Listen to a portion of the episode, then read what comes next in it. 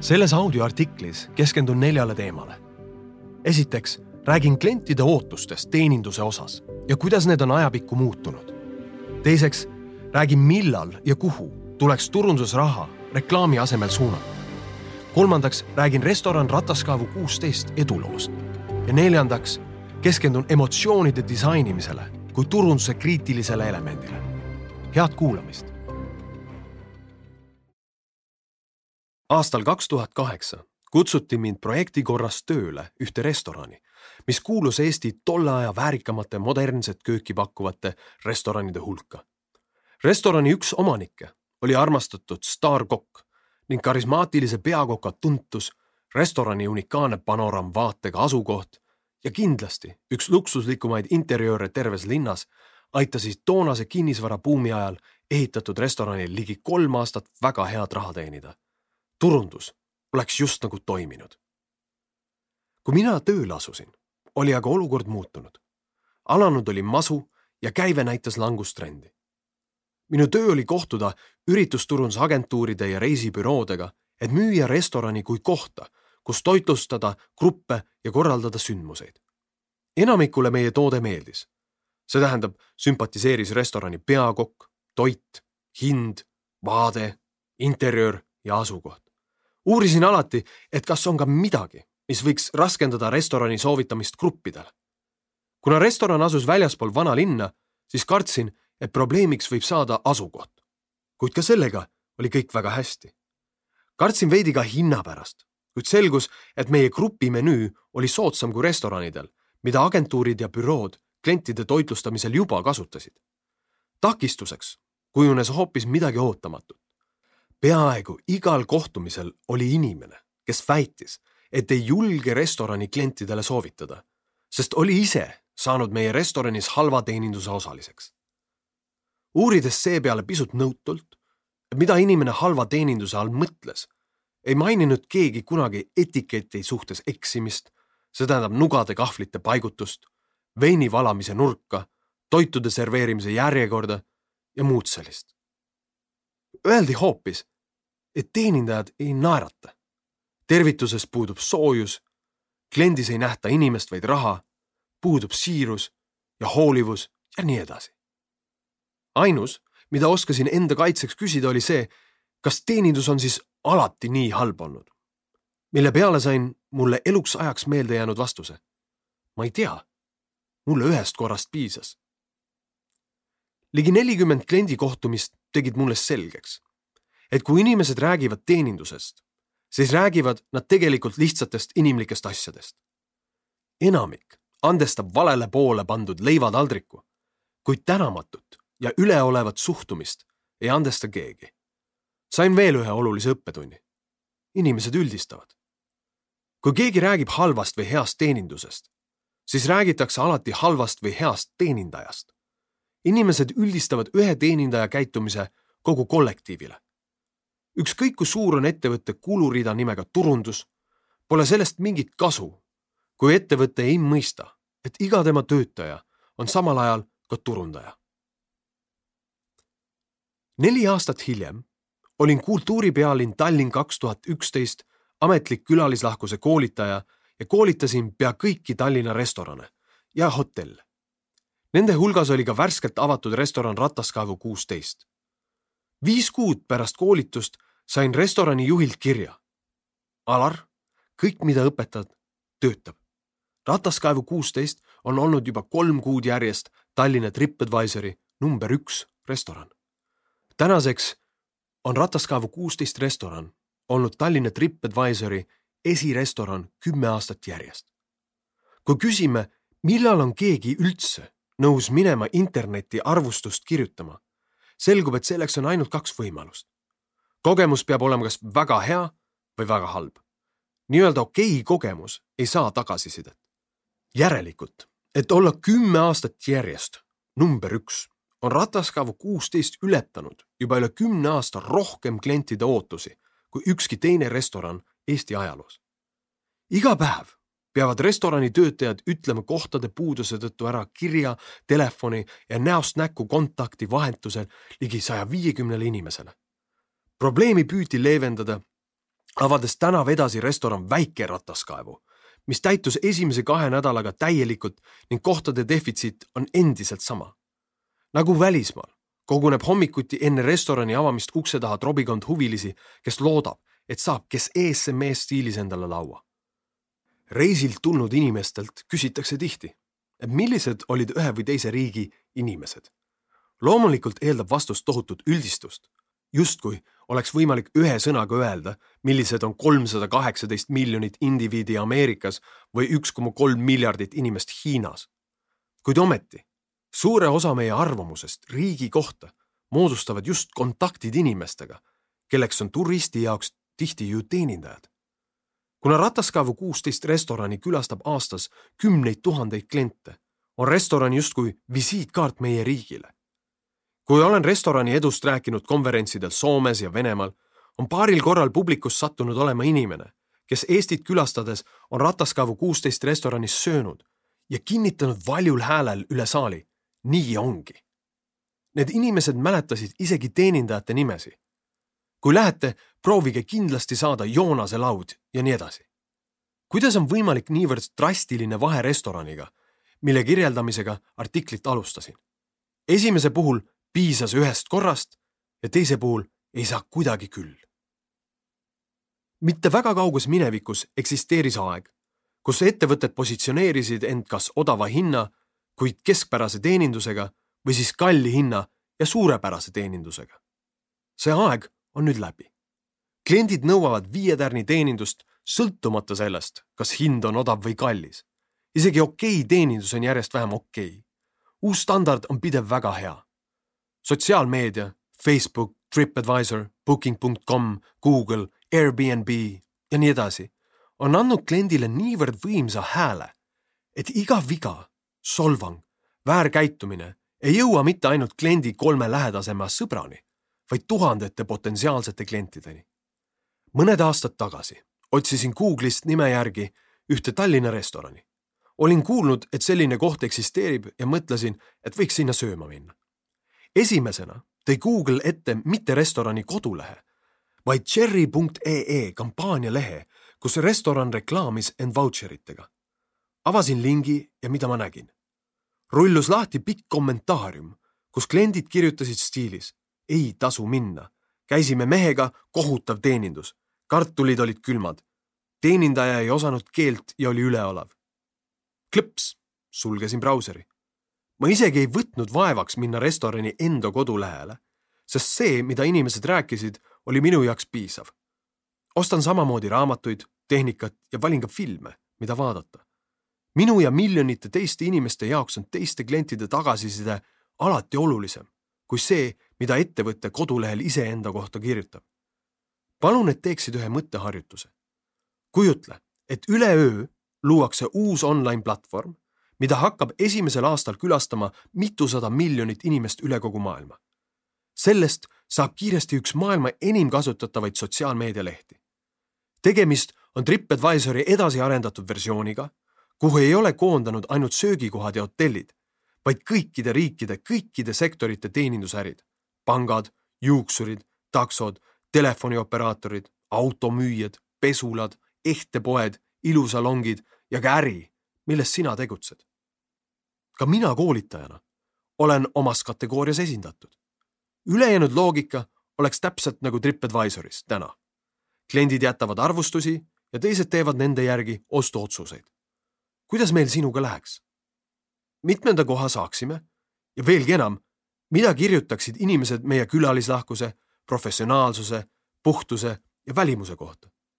palun sul sellele mõelda sest isegi kui sellist keskkonda veel ei eksisteeri, ei tähenda see, et kliendid meile oma peas hinnanguid ei anna. siinkohas tahaksingi öelda, et investeeri turundusele mõeldud raha suurepärastesse töötajatesse. miks? võrreldes olemasoleva kliendi hoidmisega panustab keskmine teenindusettevõte uute klientide leidmisele kaheksakümmend viis protsenti energiast. mis juhtuks, kui ettevõte võtaks sellest rahast kas või poole ja panustaks selle olemasoleva kliendi hoidmisele. kui selle tulemusena saaks näiteks restoran ühe keskmise kliendi kas või korra kuus tagasi tulema, suureneks käive kaks korda. esimese kolmekümne tegutsemisaasta jooksul ei investeerinud Starbucks peaaegu ühtegi dollarit uute klientide ostmisesse, vaid pani kogu panuse olemasoleva kliendi hoidmisele. tulemus? keskmine külastaja käib Starbucksis kaheksateist korda kuus. kokku on Starbucksil kakskümmend neli tuhat kohvikut, milles töötab sada kaheksakümmend tuhat inimest. kusjuures Starbucks ei ole frantsiis ja nädalas külastab Starbucksi kohvikuid enam kui nelikümmend miljonit inimest. Ka rataskaevu kuusteist turunduseelarve on null, sest restoran on oma strateegia Starbucksi eeskujul üles ehitanud püsiklientuuri loomisele parimate teenindajate palkamise, treenimise ja hoidmise abil. seega, kui kavatsed tegeleda klientide ostmisega, siis pead igal juhul saama ka väga heaks nende hoidmises. ja kliente hoiavad sinu töötajad. seega, millest tuleb tegelikult väga heaks saada, on väga heade töötajate hoidmine. sinu töötajad on kordades paremad turundajad kui ükski reklaam sotsiaalmeedias, raadios, ajakirjas või telekas. head töötajad ei pane kliente mitte ainult tagasi tulema, vaid rataskaevu kuusteist näitel ka edasi soovitama.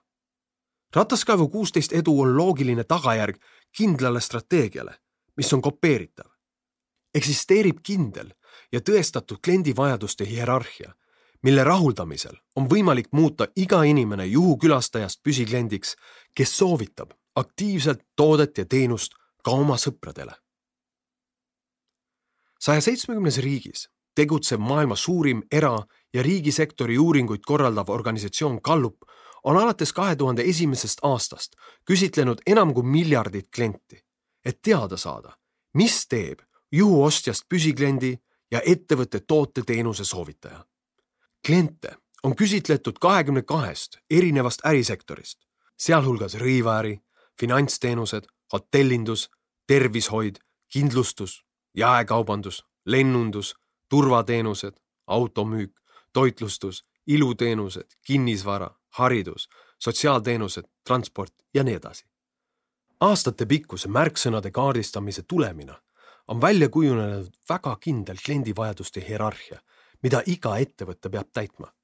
mida rohkem kliendi vajadusi ettevõte suudab rahuldada, seda suuremad on eeldused selleks, et ettevõtet külastanud klient tuleb tagasi ning soovitab ettevõtet, selle tooteid ja teenuseid ka teistele.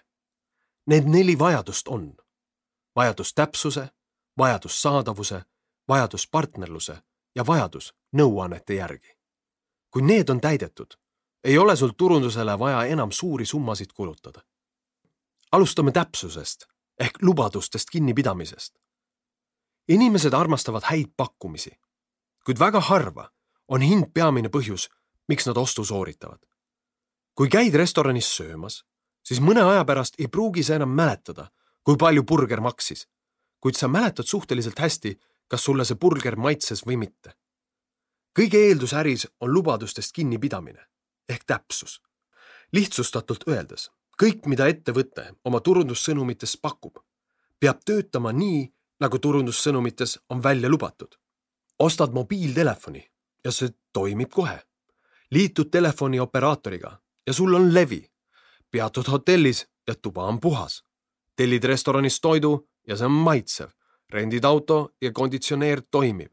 kodulehel on kirjas, et pangakontor on avatud kella seitsmeni ja see tõepoolest on sel päeval selles kohas kella seitsmeni avatud.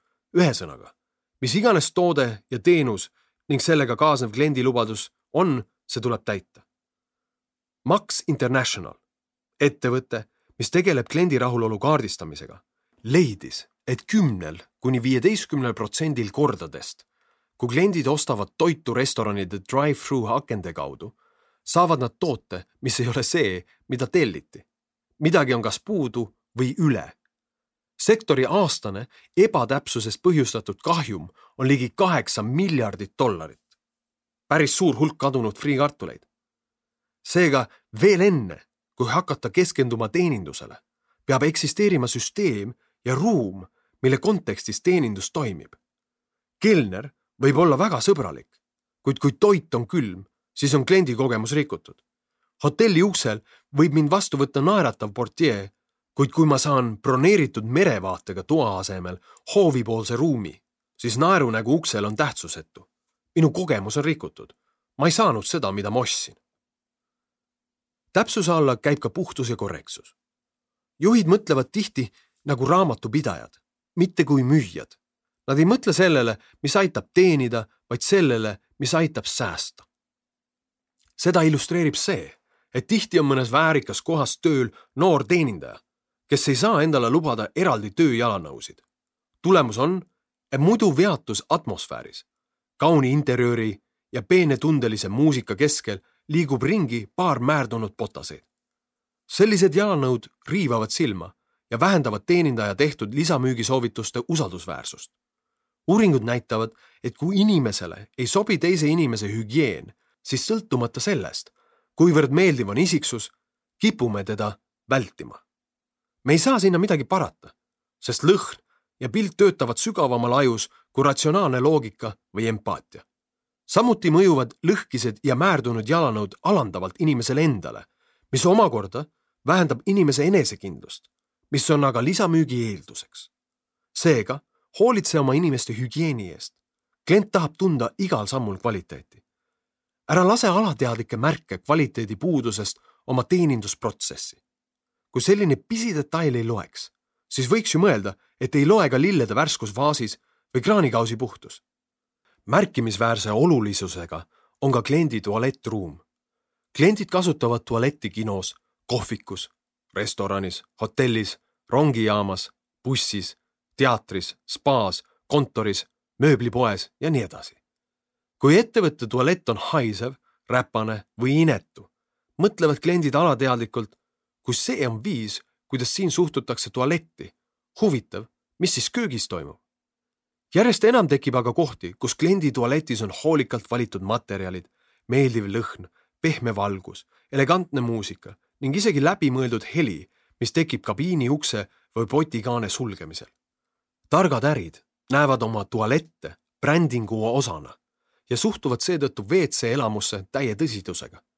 keraamilisi plaate on igas hinnaklassis ja avalikus tualetis peaksid olema kindlasti ühed kallimatest.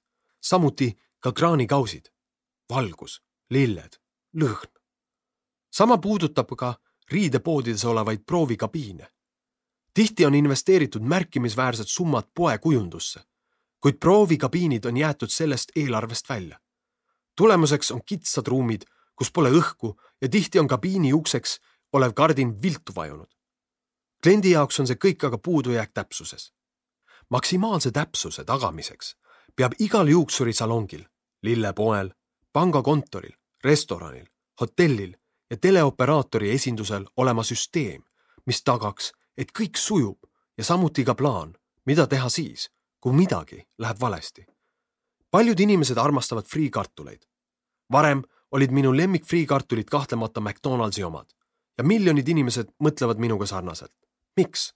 Sest McDonaldsi friikartulite valmistamisele eelneb süsteem, spetsiifiline meetod, kuidas kartuleid kasvatatakse, hoiustatakse ja valmistatakse, mis tagab, et need maitsevad alati ühtemoodi hästi kartulid on maitsvad, sest süsteemselt on eemaldatud iga pisemgi võimalus, mis võiks luua vastupidise tulemuse.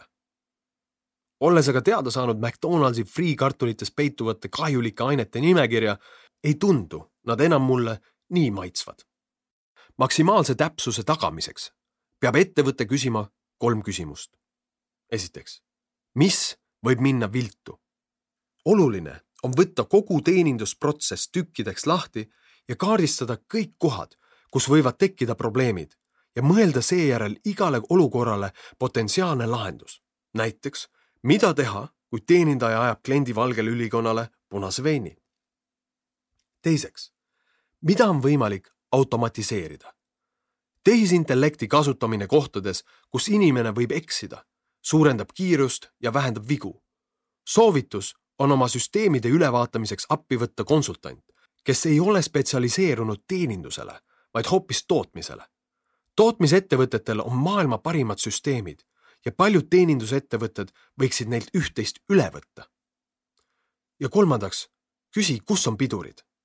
mis pidurdab teenindust? Mis segab meie teenindajatel pakkumast maksimaalset kvaliteeti? mis meie inimesi aeglustab? mis takistab neil kolleege abistamast? seega, mida iganes sa teed, tee seda hästi juba esimesel korral ja oma plaani, mida teha siis, kui midagi läheb viltu, sest alati võib ootamatusi ette tulla. kohe pärast täpsust muutub kliendi jaoks oluliseks saadavus. Saadavus ei ole hind. saadavus tähendab valikurohkust, kiirust, kättesaadavust ja asukohta. selle järgi, millise äriga tegemist, kujuneb ka spetsiifiline ootus saadavusele. mõned näited. viie tärni hotellis eeldame teistsugust teenuste valikut kui kahe tärni hotellis. seda, et saame kakskümmend neli seitse tellida prae või et hotelli uksel on portjee, kes meid pagasiga aitab. Pangaklientidena ootame, et pangakontorid oleksid avatud vähemalt kella kaheksani, et pangaautomaate oleks lihtne leida ja et internetipank oleks kergesti kasutatav. kui autol peaks purunema rehv, siis eeldame, et teenindus oleks avatud ka nädalavahetusel. toidupoes ootame, et töötajaid oleks piisavalt palju, et teenindus oleks kiire ja ootejärjekorrad lühikesed restorani külastades ootab järjest enam kliente, et oleks arvestatud erivajadustega nagu gluteeni või laktoositalumatus. Jaapani restoranilt eeldame, et pakutakse misosuppi. et iseteenindused oleksid mugavad, loogilised ja kergesti kasutatavad. et alati oleks olemas ka kakskümmend neli seitse elav teenindus ja inimesed, kes on kliente valmis abistama, kui korduma kippuvad küsimused ei lahenda tema muret et eksisteeriksid spetsiaalselt mobiili jaoks loodud veebileht ja äpid. Et kaart ettevõtte veebilehel oleks mobiilis avatav, et parkimine oleks mugav ja kui parkimisvõimalust ei ole, siis oleks sellekohane info veebilehel kirjas. et iga töötaja oskaks anda parkimissoovitusi ja teaks, kui palju parkimine maksab. saadavuse alla kuulub ka viis, kuidas ettevõtted kohtlevad nii online kui ka offline platvormidel puuetega inimesi kas eksisteerib ligipääs ratastooliga ja muu selline info. enamik kliente ei taha kuulda suurettevõtete telefonile helistades automaatvastust, mis annab teada, et ettevõte on avatud tööpäevadel kella kaheksast kuni kella viieni. kliendid tunnevad, et isegi kui ettevõte on suletud, siis info peab olema kogu aeg saadaval. samuti ei taha ükski klient kõnejärjekorras niisama oodata, vaid eeldab, et teda informeeritakse ootejärjekorra pikkusest ja pakutakse tagasihelistamise võimalust. saadavuse alla kuuluvad ka aeg ja kiirus. Tänapäeval ärrituvad paljud juba seetõttu, et peavad ootama kolm sekundit internetilehe avanemist. Marrioti hotell on loonud kliendi ajalise saadavuse rahuldamiseks viis, kümme ja kakskümmend menüü. idee seisneb selles, et klient saab menüüd sirvides kohe teada, millise toidu valmistamine võtab viis, millise kümme ja millise kakskümmend minutit. info on eriliselt kasulik Marrioti äriklientidele, kellest paljud kiirustavad koosolekule, kohtumisele, konverentsile või lennule. rataskaevu kuusteist juht Rain Tunger on avastanud, et kui hoida tööl rohkem klienditeenindajaid, kui võib-olla maksimaalne Exceli efektiivsus seda soovitaks, on käibenumbrid suuremad. põhjus selleks on loogiline. restoranis ja ka jaekauplustes mõjutab tugevalt käivet lisamüük mis aga omakorda sõltub sellest, et töötajatel on piisavalt aega, et rääkida klientidega seni, kuni nad hakkavad teenindajaid inimestena usaldama ja võtavad seetõttu nende lisamüügisoovitusi tõsiselt. müük vajab aega. saadavust on oluline igal võimalusel kontrollida nii offline kui ka online kanalites. internetikaubamaja zappos.com lehe alaosas on link. kuidas sulle meeldib meie kodulehekülg? sa võid vaadata seda ise zappos.com ja siis lehe allosas How do you like our website? Link avab eraldi lehe, kus kasutaja saab võrrelda Zappose lehte teiste lehekülgedega ning vastata erinevatele saadavust puudutavatele küsimustele, hinnates teenuseid skaalal ühest seitsmeni. kui lihtne oli leida tooteid, kui selge oli kinkekaardi kasutamise võimalus, kui kerge oli maksta ja nii edasi. Gallup soovitab ettevõtetel juurutada nii-öelda kaotatud müügivõimaluse dokumendi. iga kord, kui klient küsib midagi, mida ettevõte ei paku, lisatakse see kui kaotatud võimalus nimekirja. faili on vaja pidevalt analüüsida ja uuendada. saadavus tähendab ka seda, et kui klient küsib midagi, mida ettevõte ei paku, kuid eksisteerib võimalus, et konkurent seda teeb, siis teenindajad uurivad selle kliendi jaoks ise järele. täpsus ja saadavus on tugeva kliendisuhte vundamendid, kuid Gallupi uuringud näitavad, et nendes ei peitu ettevõtte konkurentsieelist. Õigem on öelda, et konkurentsieelis peitub neis ainult senikaua, kuni konkurente ei ole. kuid kui olukord muutub, siis kõik, mida ettevõtted täpsuse ja saadavuse seisukohalt teevad, saavad konkurendid aja jooksul järgi teha. restoran teeb taimetoidu menüü, kõrvalrestoran teeb samuti taimetoidu menüü. hotell pakub klientidele tasuta parkimist, konkurent hakkab pakkuma tasuta parkimist. üks pank teeb mobiilipanga, teine teeb oma mobiilipanga. Samuti näitavad Gallupi uuringud, et täpsus ja saadavus ei muuda inimest veel püsikliendiks ega oma mõju ka kliendi soovitustele. teisisõnu öeldes, täpsus ja saadavus ei taga kliendi rahulolu. ainus, mida nad aitavad vältida, on kliendi rahulolematus. kui võib-olla viis aastat tagasi oli see suur asi, siis täna ei tunne ükski klient rahulolu sellest, et hotellitoas levib wifi võrk. küll aga tekitab selle puudumine paljudes rahulolematust miski, mis oli varem luksus, on nüüd standard. kui Telia kliendil on levi, siis ei tunne ta rahulolu. levi on miski, millele ta ei mõtle enne, kui ta sellest ilma pole jäänud. täpsus ja saadavus on justkui ettevõtte eksistentsi eelduseks, mille tagamise eest vastutab peamiselt juhtkond. seni, kuni ettevõtted ehitavad strateegia ja konkurentsieelise neile kahele väärtusele, ei mõjuta nad kedagi hakkama püsikliendiks ega teenima tulu kliendi soovitustelt. kliendid ostavad kas laiskusest, mugavusest või juhusest ajendatuna. Nad ostavad nii-öelda funktsiooni, mitte brändi ja parema pakkumise saamisel on ettevõtte vahetamine lihtne.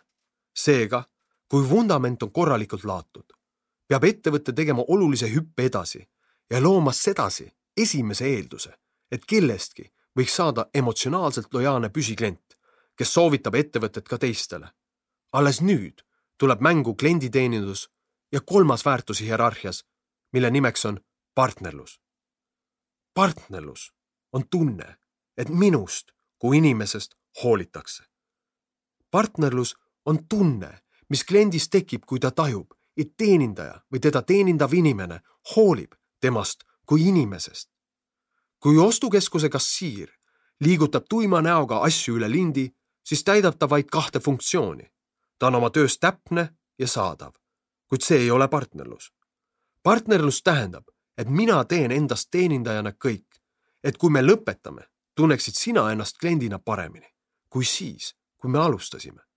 kui klient sedasi tunneb, saab temast ettevõtte emotsionaalne püsiklient ja ta räägib oma tutvusringkonnas, et ettevõttes YXZ on hea teenindus ning soovitab ettevõtte tooteid ja teenuseid oma sõpradele. mõned aastad tagasi avastasin Kristiine keskuses ostu eest maksmisel, et minu pangakaart oli aegunud. mul oli olnud pikk päev, olin väsinud, keskuses oli remont ja parklast poodi saamine võttis oluliselt kauem aega kui tavaliselt.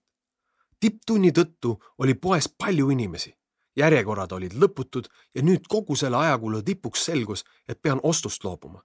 Tundsin piinlikkust ja minu juba pahur olemine ei läinud kindlasti kergemaks. Õnneks oli keskuses pangakontor, kuhu otsustasin edasiste juhiste saamiseks minna. ka pangas oli järjekord. kui saabus minu kord, olin ilmselt keskuses veetnud juba nelikümmend minutit. mul oli täiesti villand. teenindaja ütles. tere, millega saan teile kasulik olla? mina ütlesin, mu kaart on aegunud, mida ma pean tegema? mille peale vastas teenindaja Teie kaart uueneb automaatselt ja ootab teid elukohajärgses pangakontoris. mina ütlesin, no väga meeldiv, elan siin lähedal Koidu tänaval. äkki te vaataksite palun, kas mu kaart ongi siin kontoris? mille peale teenindaja ütles, palun teie dokumenti. mina jälle ütlesin, no ma väga vabandan, aga mu dokument on autos ja parklani on remondi tõttu väga pikk maa ning ma olen nii pikalt järjekorras oodanud ja ei tahaks seda enam korrata. kas te palun vähemalt vaataksite, kas mul on mõtet autosse üldse minna? Mille peale ütles teenindaja ei, ilma dokumendita ei saa ma midagi teha. kõndisin tagasi autosse. et säästa end potentsiaalis veel ühest tühjade kätega edasi-tagasi kõnnist ja järjekorrast, tuli mul idee helistada telefonipanka. ütlesin siis tere, mu kaart on aegunud ja öeldi, et see peaks mind ootama elukohajärgses pangakontoris. kas te palun vaataksite, millises kontoris see mind ootab? mille peale ütles telefonipanga teenindaja, jaa, loomulikult, palun öelge oma isikukood. Mida? kas tegemist on ikka sama pangaga? miks ei võinud teenindaja üks nii-öelda kontoris minu teekonda säästa, kui infot on võimalik jagada vaid isikukoodi ütlemisel? selguski telefonipanga kaudu, et kaart ootas tegelikult mind Liivalaia kontoris. enne, kui Liivalaia kontorisse läksin, möödus aga nädal.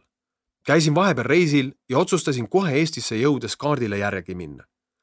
kui järjekord pangakontorist taas minuni jõudis, hakkasin rahakotist dokumenti otsima ja selgus, et kadunud olid nii ID-kaart kui ka juhiluba.